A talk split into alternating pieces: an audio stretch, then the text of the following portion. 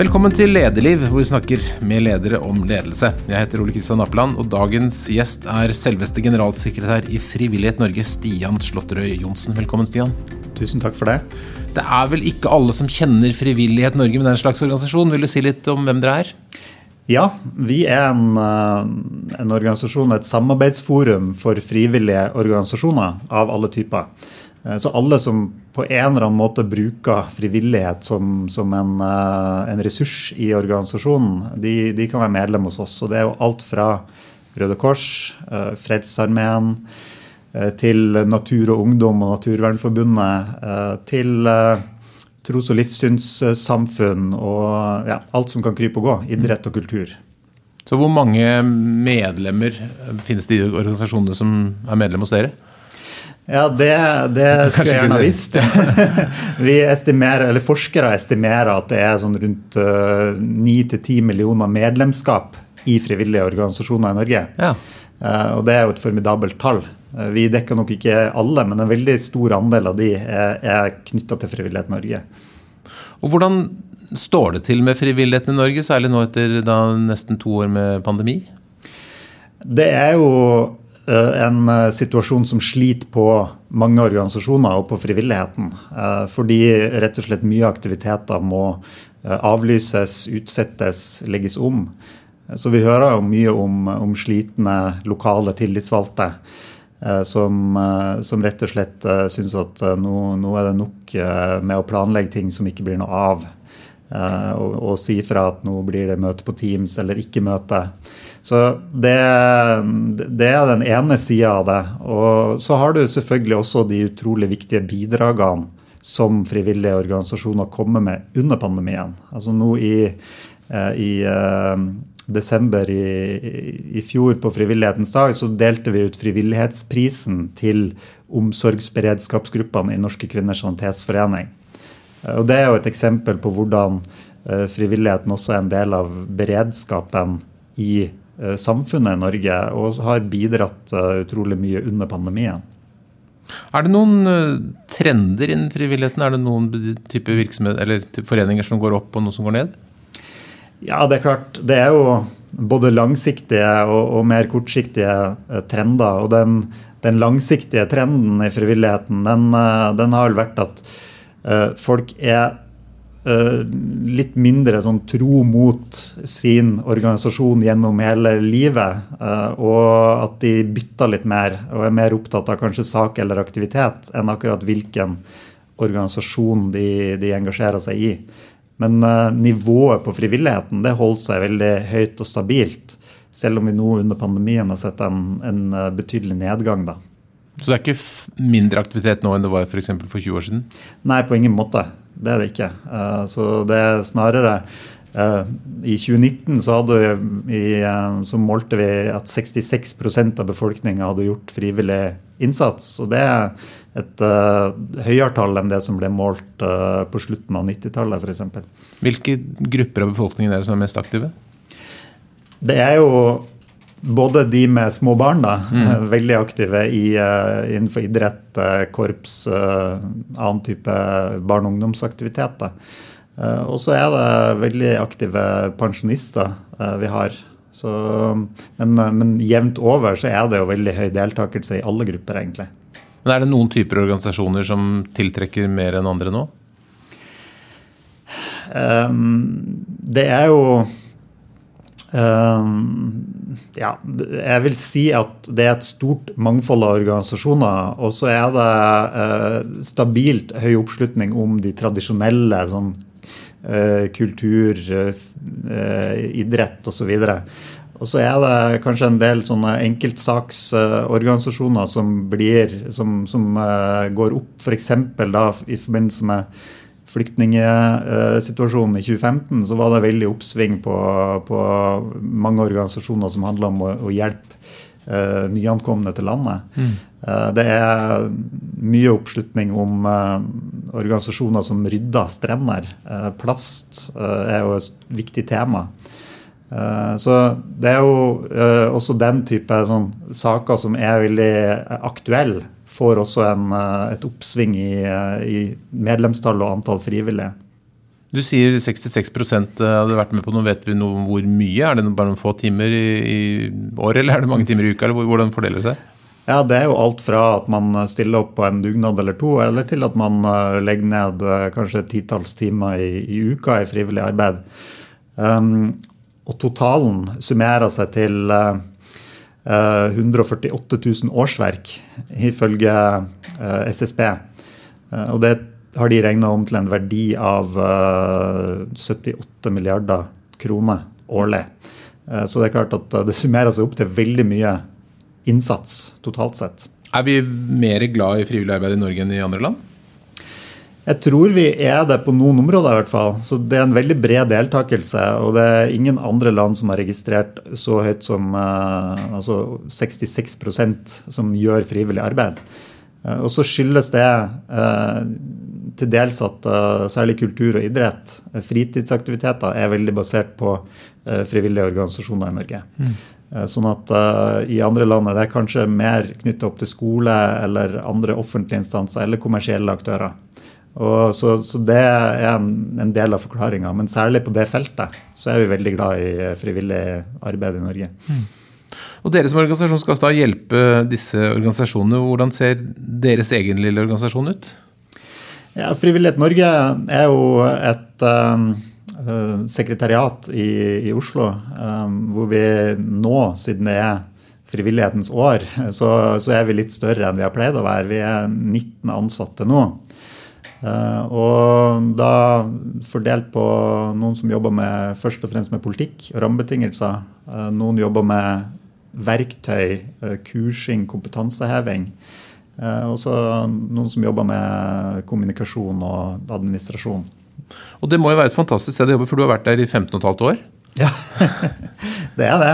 Jeg har vært med på en fantastisk reise eh, fra etableringa av Frivillighet Norge i, eh, i 2005. Så kom jeg inn som ansatt nummer to i 2006. Så jeg har fått vært med på en utrolig vekst og, og utvikling i ja, i organisasjonen og fulgt frivillig sektor også gjennom veldig mange spennende eh, perioder. Og du har, fått, du har, hatt mange forskjellige jobber der òg? Ja, det har jeg. Så jeg starta som kommunikasjonsrådgiver. Eh, og så har jeg vært eh, fikk jeg et ansvar for utredninger. Uh, så jeg var leder for, for, utredninger. Og så ble jeg assisterende generalsekretær, uh, og så ble jeg generalsekretær i 2015. Ja. Mm. Eh, så hvordan føles det? Er det, en bra ting det å, klatre i gradene på den måten og bli sjef over de du var kollega med tidligere? Det er en bra ting. Uh, har i hvert fall vært det for meg. Men det er klart, det kan også være utfordringer med en sånn overgang i, i, roller. Men jeg tror jo at det at jeg kjenner, eller da jeg overtok som, som generalsekretær, kjente organisasjonen, uh, kjente medarbeiderne, var utrolig viktig for at jeg kunne gjøre en, en god jobb. da. Hva er det som uh, motiverer deg i den oppgaven? Det er jo å få jobb med et utrolig kompetent sekretariat. Altså det, det, er veldig dyktige medarbeidere som, uh, som er motivert og engasjert. Um, så det er den ene sida. Og så er det selvfølgelig det, det å jobbe med frivillige organisasjoner, som er en så viktig bærebjelke i samfunnet vårt på så mange områder. Det gjør at man kommer i kontakt med, med veldig mange uh, spennende folk, saker, tema uh, å jobbe med. Så, så det er en kombinasjon uh, av det som motiverer meg i arbeidet. Du er ansatt på åremål. Mm. Femårsengasjement, er, er det en bra ting? ja, jeg tror det er en bra ting. Eh, for jeg tror at det er viktig at ikke man som en leder bare blir eh, sittende et sted, eh, også, også etter at det ikke lenger er en, en utvikling. For jeg tenker det, det er viktig for, for, både meg som person og for organisasjonen å kunne utvikle seg videre. Det, så jeg tenker at det å en, å ha en sånn naturlig fot i bakken, det, det tror jeg er, er bra. Og så kan jeg jo se at uh, kanskje noen steder så er det ikke så godt egnet, men jeg tror i en organisasjon som Frivillighet Norge at det kan være sunt å ha et, uh, et åremål. Så du, en, du, føler at du har en slags deadline, da, at du må gjøre noe innenfor den perioden? Ja, i hvert fall så føler jeg at uh, vi, vi, har et, et naturlig punkt for, for refleksjon da, mellom meg og, og styret. om hvor vi gjør opp status, ser hvor, hvordan går det hva er tankene framover, og er vi den riktige matchen? For det er jo ikke nødvendigvis sånn at eh, en, den samme personen er den riktige uh, administrative lederen for en organisasjon gjennom ulike faser mm. i organisasjonens liv. Hva er de viktigste bestillingene du har fra styret? Hva er det dere skal få til nå? Den overordna bestillinga er å skape større rom for frivilligheten. Og det er jo ja, mer som en visjon. Det er en svær oppgave. Ja, hvor, hvor, starter du da? ja, ja da starta vi jo eh, med å jobbe politisk. Eh, så Den politiske saken som har vært den tydeligste bestillinga, har jo vært å få på plass eh, full og regelstyrt momskompensasjon for frivillige organisasjoner. Sånn at vi kan bruke våre midler på aktivitet og ikke på avgift. Og Det ligger vi jo nå forhåpentligvis an til å få til. Så det betyr at, kort og godt at uh, organisasjoner ikke skal betale moms? Ja, det er prinsippet. Og så organiseres det som at man får den tilbakebetalt som en kompensasjon. Men, uh, men, men hovedpoenget er jo at når Frelsesarmeen samler inn penger, uh, så skal de kunne bruke alle de pengene på de aktivitetene som de har for å hjelpe folk, og ikke noen av de på å betale moms til staten. Mm. Hvordan står den saken nå?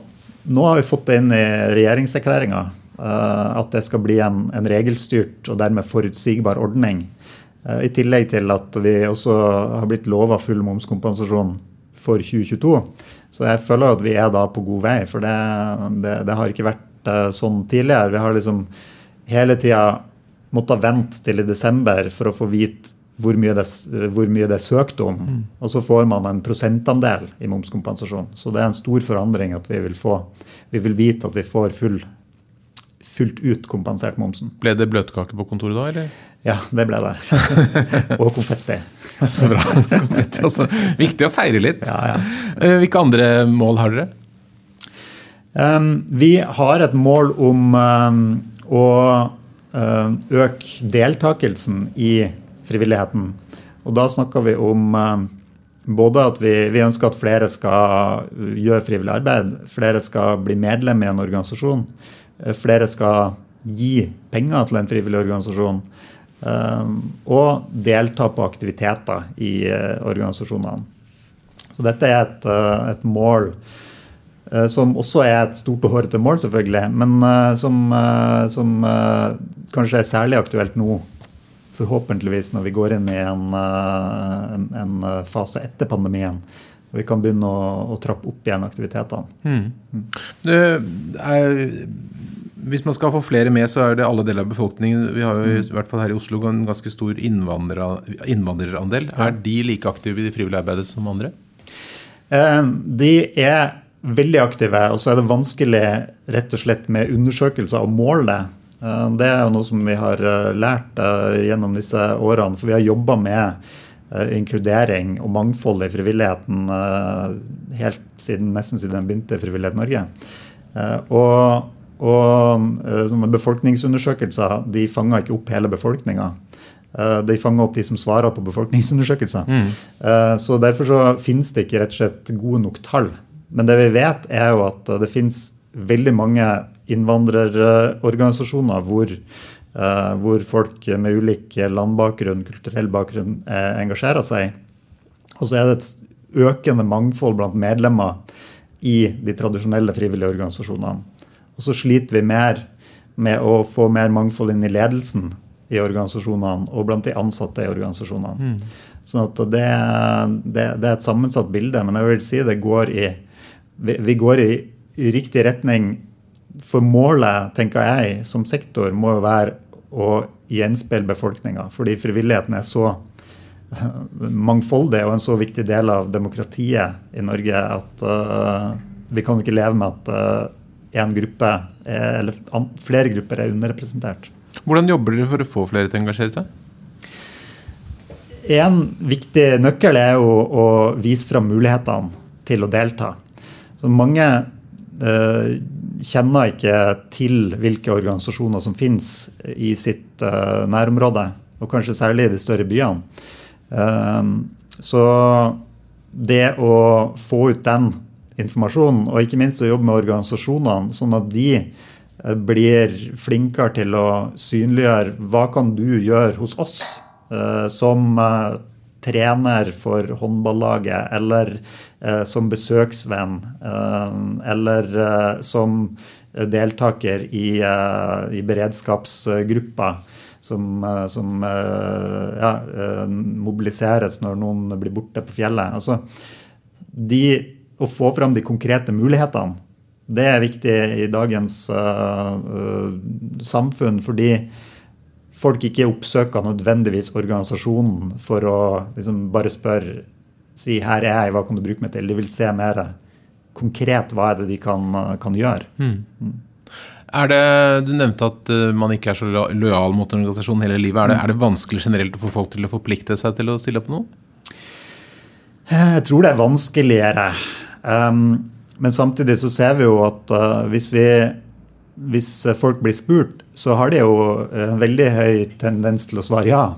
Eh, så vi må bli flinkere til å, til å spørre, og legge til rette også for at man kanskje kan delta med en mer eh, begrensa innsats. Eh, fordi det man ofte hører, er jo at folk er redd for å forplikte seg til, til å ja, forplikte seg til noe de ikke vet omfanget på. Det å ha kontroll over hvor mye tid man skal bruke på frivilligheten, det er viktig for folk. Og da må vi la de få muligheten til å få den kontrollen. Da. Mm. Mm. Dette er en podkast om ledelse. Mange av oss har jo ledererfaring og kanskje lært ledelse nettopp i, i frivillige organisasjoner. Mm. Eh, vil folk ta lederansvar?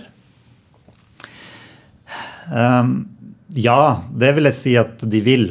Um, det, og jeg tror frivilligheten er en kjempegod arena for å prøve seg som leder og lære seg uh, lederskap. Det er jo en uh, veldig unik uh, situasjon å være en leder i. Fordi at du har ikke så mange maktmidler som du kan bruke. Og du kan ikke si at du, du, du får ikke betalt mhm. hvis ikke du gjør jobben din. Så du må jo lære deg metoder for å engasjere folk. og få folk til å ønske å ta ansvar Eh, og, og gjøre jobben. Eh, og det, så jeg, jeg tenker at folk, folk, vil, men det er også noe med eh, at det ligger et stort ansvar i å ta på seg et lederverv. Så det er viktig at organisasjonene også trygger de som faktisk tar på seg et verv. At de gir støtte, at de gir opplæring, at de gir noen rammer. Eh, fordi det, det, er klart at eh, det, det, kan eh, det kan ofte oppleves som, som, et stort ansvar som man tar på seg hvis man går inn i en sånn rolle. Mm. Mm. Er det gjennom frivillig arbeid at du selv fikk interessen for ledelse? Ja, både og. Altså, jeg fikk i hvert fall min første erfaring som leder for 4H-klubben da jeg vokste opp. Eh, så det, det, er klart at det har vært en viktig del av eh, livet mitt som jeg har tatt med meg eh, videre. Så var jeg innom militæret òg og fikk oppleve en annen form for ledelse mm. der. Og så var det nok mest altså den muligheten som, som jeg fikk da, gjennom Frivillighet Norge til å, til å ta mer ansvar som gjorde at jeg eh, fikk lyst når, eh, når muligheten bydde seg til å søke på, på topplederjobben. Mm. Hva kjennetegner gode ledere, etter din oppfatning? Altså, jeg er ikke sånn at jeg bekjenner meg til en, til en bestemt filosofi innenfor ledelse. Men jeg tenker at det å, eh, det å en, ha en inkluderende stil som leder og gi ansatte eller medarbeidere ansvar og frihet, men samtidig avklare tydelige forventninger, sånn at du, du skaper en trygghet i gruppa. Det, det syns jeg er, er viktig.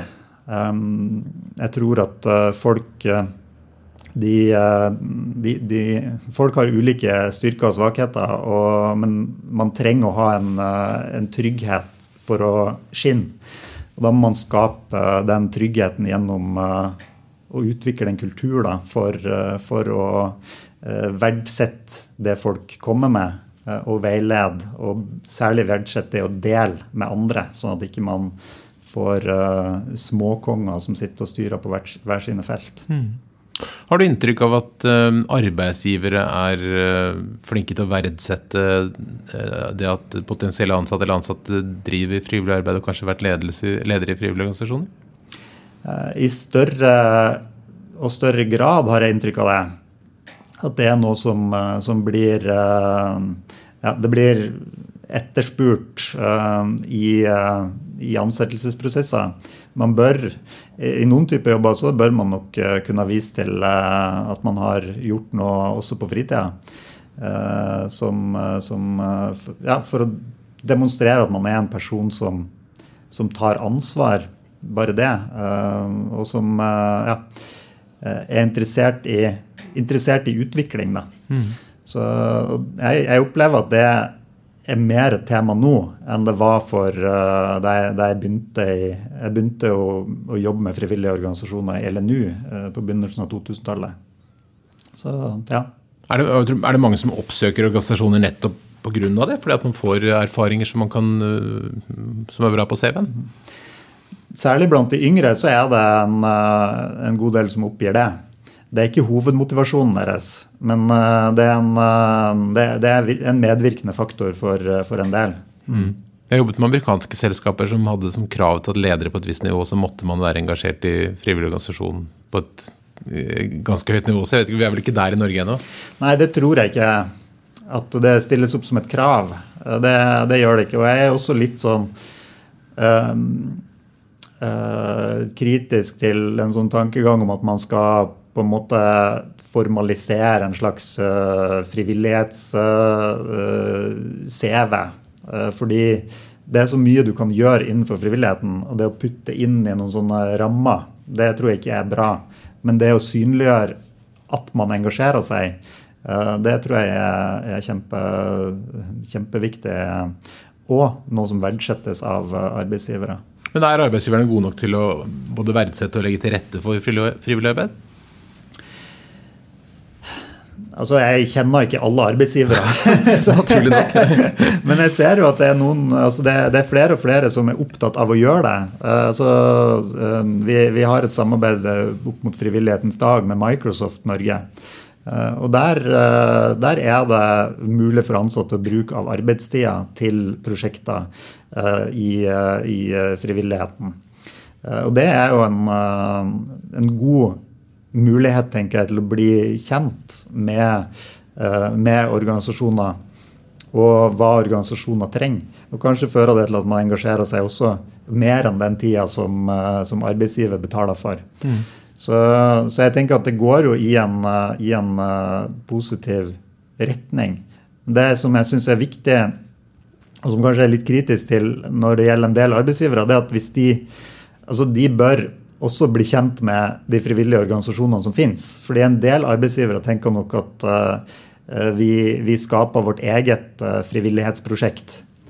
Og det tror jeg ikke nødvendigvis er den riktige løsninga. For det er noe altså, Som en arbeidsgiver så kan du veldig godt uh, din sektor, din bransje. Men det å drive med frivillig organisering, det er en annen type virksomhet. Da tror jeg det er bedre å samarbeide med noen etablerte aktører. da. Mm. Som f.eks. her sitter vi og ser ned på, på Barcode, og jeg vet at uh, her har mange av virksomhetene samarbeida med Kirkens Bymisjon. Uh, om, uh, om å jobbe særlig med de som sliter i det området her da, av byen. og det tror jeg er mye bedre enn at virksomhetene sjøl hadde begynt med sine prosjekt for å, for å jobbe med rusavhengige, f.eks. Mm. Eh, noe av grunnen til at du er her i dag, er jo at vi er ved inngangen til frivillighetens år, som du nevnte. Hva skal skje Eller aller først, hvordan, hvordan, hvordan får man et år? Det er sikkert mange som har tenkt seg et år. Hvordan har dere skaffet dere, hvordan har dere fått frivillighetens år? Vi rakk opp hånda og sa at det syns vi hadde vært en god idé. Ja. Eh, og så var det noen som lytta, da. Så det var jo eh, da eh, Trine Skei Grande var kulturminister, så la hun fram en stortingsmelding om frivillighetspolitikken. Og der ble det da et tiltak at 2022 skulle være et markeringsår for frivillig sektor. Så, og så, da vi så det, så spurte vi om ikke vi kunne få lov til å arrangere det. Og da fikk vi lov til det. Så da får vi da noen midler fra, fra Kulturdepartementet for å gi Frivillighetens år en, en overbygning. Men det er jo ikke Frivillighet Norges år, det er jo hele frivillighetens år, det her. Så det vi eh, ønsker å bidra til, er jo å være en, en lyskaster eh, som synliggjør det som uansett skjer, men får det ut til enda flere, sånn at flere blir oppmerksom på, på alt som skjer i frivilligheten. Så hvordan skal dere gjøre det? Ja, det er jo eh, kampanjer, da. Vi, vi, har en kampanje nå som handler om å, om å engasjere seg. Finne en, eh, en, en, frivillig oppgave. Eh, det er jo mange som har nyttårsforsetter i januar. Og det er også en periode hvor mange tenker at ja, jeg skal engasjere meg frivillig. Mm.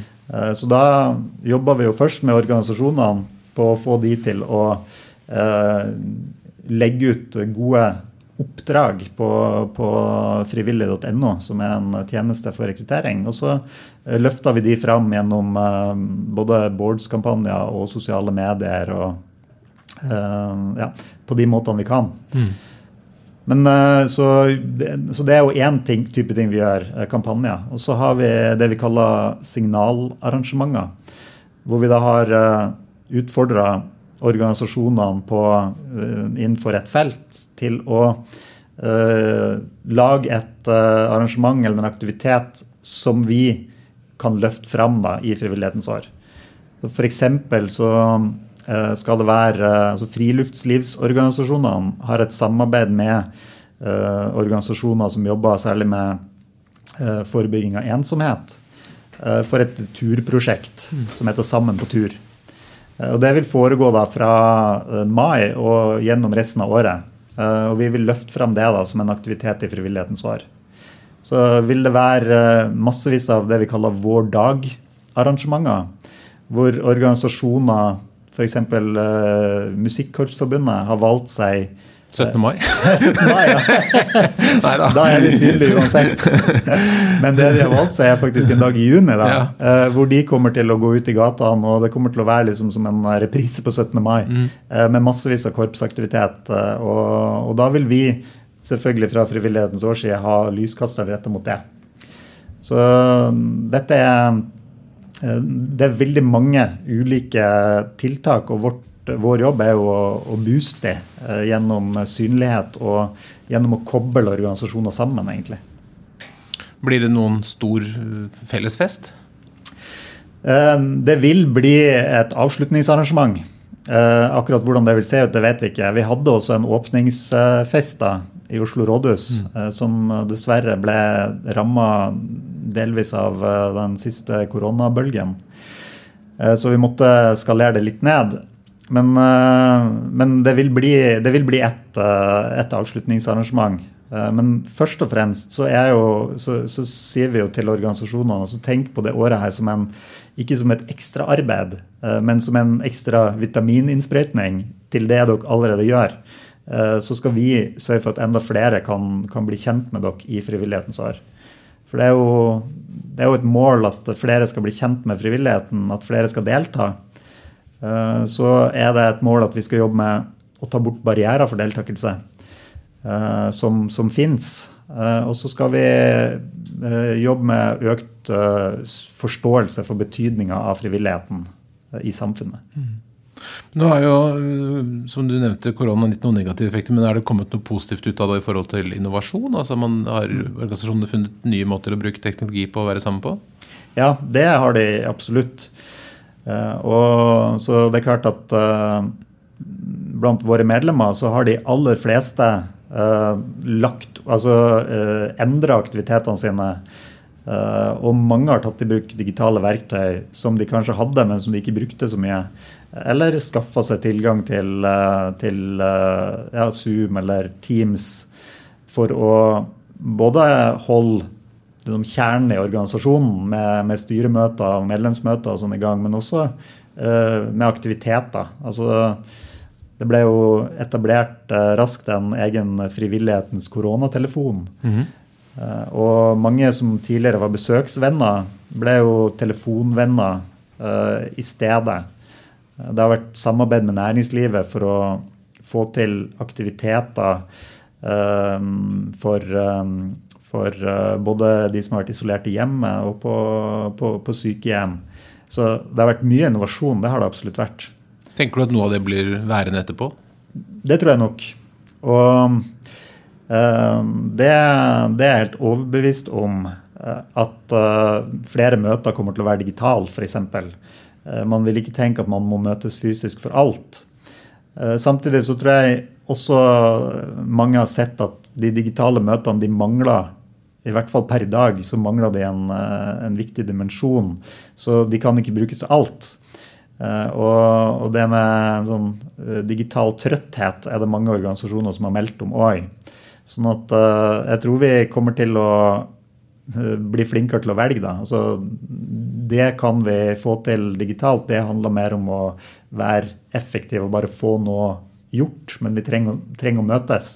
Mens det Eh, med å bygge relasjoner og fellesskap, eh, det, det fungerer veldig dårlig eh, digitalt. Eh, og da bør vi prioritere å kunne møtes fysisk. Mm. Hva er det du syns er de største utfordringene i den jobben du har? Um, altså, det, det, er jo Det å jobbe med et så bredt felt er jo utfordrende fordi vi skal klare å representere hele bredden. Samtidig så skal vi klare å si noe fornuftig om vår eh, sektor til omverdenen. Så, så, da er det så Det er en kommunikasjonsutfordring og en utfordring når det gjelder å rett og slett utvikle politikk. Eh, fordi vi skal, vi skal favne så, så, bredt. Og vi har også et konsensusprinsipp. da, sånn at vi, vi skal Når vi går til Anette Trettebergstuen, eh, som er frivillighetsminister, og sier at dette mener frivillig sektor, da skal ikke noen andre komme rett etterpå og si at nei, men det her er vi helt uenig i. Mm. Eh, så vi må, greie å, vi må greie å utvikle en politikk som favner bredt. Og som samtidig har rom for det store mangfoldet som, eh, som er. Og det er klart at det er ikke alle ting organisasjoner kan bli enige om. F.eks. hvis man diskuterer hvem skal ha tilgang til disse midlene, så er det noe som organisasjoner får diskutere på en annen arena enn Frivillighet Norge. Men generelt så er vel de aller fleste positive til frivillighet og frivillige organisasjoner? Jo, absolutt. Og det er jo en styrke. Men det er også en utfordring. Eh, fordi at hvis alle er for noe, så er det også vanskelig å få en, en fornuftig debatt om det. Eh, du, du, kan fort havne i en situasjon hvor det blir mange festtaler, men det ikke skjer noe konkret. Du, du, mangler den konflikten som får oppmerksomhet? Ja. Eh, du, du mangler konflikten som får oppmerksomhet, og som og oppmerksomheten trengs for å løfte ting oppover på prioriteringslista mm. til politikerne. For det ene ting er at alle er enige nå, men uh, når det skal prioriteres, så ser det jo til uh, hvilke saker som kan gi uttelling. og da er det ikke sikkert at en sak som alle partiene er enig i er den beste saken. da. Men dere har jo altså, Du har spist bløtkake på, for momskompensasjon, og det er det grunn til. For det er jo en vellykket uh, endring og en, en, lobbyseier som egentlig mange drømmer om. da. Mm. Kan du si litt om hvordan dere har jobbet for å få til det? Ja, vi har jobba langsiktig med den saken. Det er jo noe av det Hvor, lenge? Det var den saken som uh, Frivillighet Norge ble etablert for å løse. Ja. Altså, så, så, det vil jo si at vi har jobba i Frivillighet Norge i 15 år med den saken. Uh, eller ja, siden 2005, da. Så 16 år. Mm. Uh, og før det også så jobba organisasjonene med, med, momskompensasjon. Så det er jo den ene biten av det. Du må jobbe utrolig langsiktig. Og så er det selvfølgelig eh, viktig å jobbe godt internt i sektoren. Nettopp som jeg sa, at du kan ikke ha noen som sier at dette er viktig, og andre som kommer og sier at nei, det her er ikke viktig i det hele tatt. Mm. Så den forankringa med organisasjoner selv om organisasjonene uh, altså Mange var enige allerede da Frivillighet Norge ble etablert, men det var kanskje 60-70 organisasjoner. Nå er vi 350. Uh, så hele tida det også å forankre uh, politikken ut mot organisasjonene har vært kjempeviktig. Og så har det vært å være en, en, en forutsigbar plageånd egentlig på, på partiene. og hele tida snakke om den saken her, hvor viktig den er. Eh, og vi har jobba med kampanjer. Vi har vært eh, utenfor eh, regjeringsforhandlinger og, og demonstrert. Vi har skrevet massevis av kronikker. Vi har hatt arbeidsgrupper. Vi, ja, det har vært veldig mange uh, ulike faser i det arbeidet. Men hovedbudskapet har jo vært det samme. Og det tror jeg har vært viktig. Og hvor stor verdi har den kompensasjonsordningen? Uh, per per nå så er det ca. 2 milliarder i, eh, i, momskompensasjon. Så det er klart at det har en, en kjempeverdi. Og det er jo midler da som, som frigjøres, eh, som kan brukes på, på aktivitet eh, i organisasjoner i stedet for at de går til staten. Så det er ja, udiskutabelt at det er en kjempestor verdi for, for sektoren. Så når dette er da øh, ordentlig etablert, så har dere en, en, lagt på oppnå mye av det dere ble startet for. Har dere da et nytt stort politisk mål som dere skal plage politikere med? ja, vi får se. Vi må altså vi, vi, skal for det første få den ballen her helt i mål. Og det som gjenstår uh, nå, er jo Vi har fått et løfte om at økonomien skal være der, men vi trenger også forutsigbarheten i form av at det blir et regelverk. Altså det er selvfølgelig et regelverk for ordninga, men det må være en regel om at du skal få full momskompensasjon. Hvis ikke så blir det en årlig kamp eh, i, eh, i, statsbudsjettet. Og selv om det vil gi oss jobb, så er ikke det noe vi ønsker. Vi ønsker jo at det skal bli en forutsigbarhet. Eh, og så er det ting som, som, som gjenstår. F.eks. at momskompensasjonen ikke dekker investeringer i bygg og anlegg i frivilligheten. Eh, det finnes en ordning for idrett, men den er kun for idrett. Så det må vi ta tak i og få til å gjelde for hele frivilligheten. Eh, og så må vi også være flinke til å få opp nye saker tenker jeg, fra medlemsmassen. Mm. Engasjere, engasjere, organisasjonene i, i, en politikkutvikling. Og så kanskje tenke at vi må ha flere saker å jobbe med som vi løfter. For det finnes kanskje ikke den ene saken som, som, gjelder hele sektoren i så stor grad som, som uh, momskompensasjon. Så er jeg nevnt den saken som, uh, som den nåværende regjeringa har uh, eh, kutta i. Da, altså den, det er skattefradragsordninga for gaver, som er viktig også for mange organisasjoner, som et insentiv for å få særlig faste givere. Den, den kampen blir nok uh, mye viktigere fremover, nå som vi har en regjering som ikke er så opptatt av, uh, av å gi uh, skattefradrag, og sier at den kommer stort sett de som har store, altså høy inntekt til gode. Det er ikke riktig. Det er veldig mange som, som gir til frivillige organisasjoner. Og, og, det er viktig å opprettholde det insentivet fra, fra statens side. Så det høres ikke ut som du blir arbeidsløs selv om frivillighetens år tar slutt? Nei, det håper jeg virkelig ikke. Hvis det kommer en person til deg Stian, og har lyst til å bli leder, da, ta et lederverv i, i, en frivillig organisasjon, hvilke tre råd vil du gi for å være en god leder? Hmm. Um, ja, det ene er i hvert fall å, å lytte. Jeg tenker at uh, i samtale eller i dialogen med medarbeidere, så er, så er lyttinga viktigere enn det du sier, på mange måter. Uh, så, så, det er et, uh, det, er et uh, viktig råd som jeg tenker mange kan bli, bli bedre på. Så vil jeg si når det gjelder en frivillige altså Hvis du vil bli leder i en frivillig organisasjon, så er det jo Eh, da, da, bør du kanskje ikke begynne å tenke at jeg skal bli leder. Begynn som, eh, som medlem i organisasjonen. Eh, gå den veien, bli kjent med, med saken og organisasjonen. Det, det er nok den, den, beste måten å bli å komme inn i en organisasjon på. Og som, som, det tredje så vil jeg vel si ja, vis, vis, engasjement. Det er særlig viktig i vår sektor. Vis at du, du er en uh, engasjert person som, som, har et hjerte som banker for, for saken eller aktiviteten.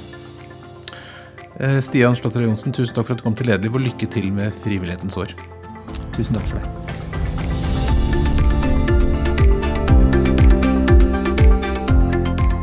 Lederliv er en podkast fra kommunikasjonsbyrået Apeland. Vi legger ut nye episoder hver fredag. Redaksjonen består av Ellen Paulsen, Lars Jarle Melum, Lars Volden og meg, som heter Ole Kristian Apeland. Vi er glad for alle mulige former for ros og ris og stjerner og likes og hva det måtte være for noe. Eh, man kan f.eks. sende det på e-post til meg på ole.apeland.no. Takk for at du lytter.